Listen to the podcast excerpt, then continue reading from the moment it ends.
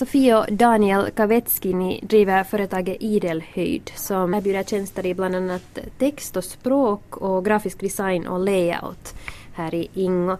Um, vill ni berätta lite närmare om er? Ni har flyttat runt lite innan ni eh, kom tillbaka till dina hemtrakter Sofie här i Ingo. Ja, vi, vi träffades egentligen på Åland och, och därefter så har vi studerat i, både i Sverige och i Åbo. Och sen flyttade vi närmare Ingo kan man säga för vi bodde i Karis ett par år och därefter sen byggde vi hus i Ingo som då är min, min gamla kommun, min födelseort. Och det var egentligen när ni kom hit till Ingo som ni valde att bli företagare?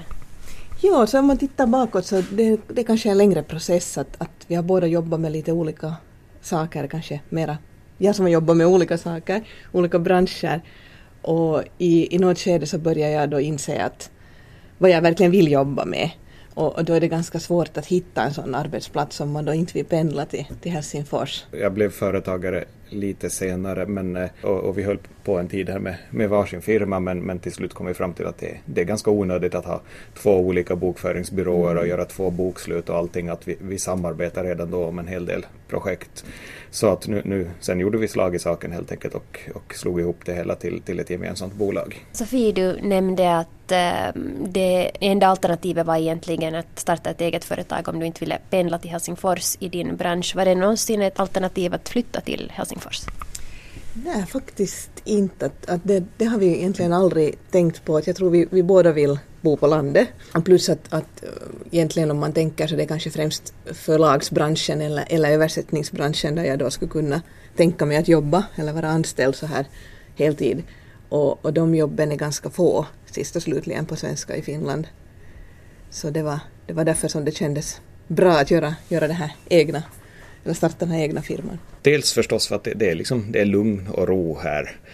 Och sen är det faktiskt väldigt nära ändå till både Helsingfors och Åbo ifall man just behöver åka in till, till stan av någon anledning.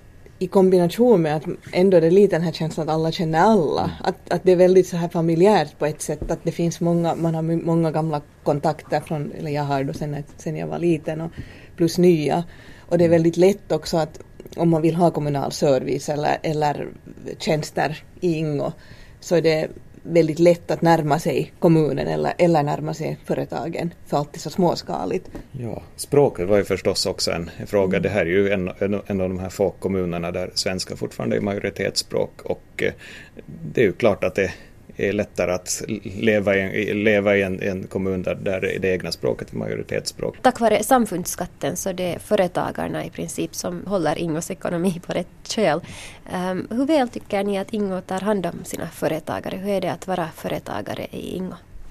Företagare är ju till sin natur ganska företagsamma personer som, som gärna klarar sig liksom ganska bra självständigt och gör, gör vad, kan, kan göra ganska mycket med ganska små resurser. Så, så att en av de här viktiga sakerna är, är kanske just en sorts uppmuntran att det finns en sån här en tillåtande bra atmosfär att, att inte idéer drunknar i byråkrati och svårigheter utan att man faktiskt känner att man kan komma vidare och, och få stöd och uppskattning av omgivningen.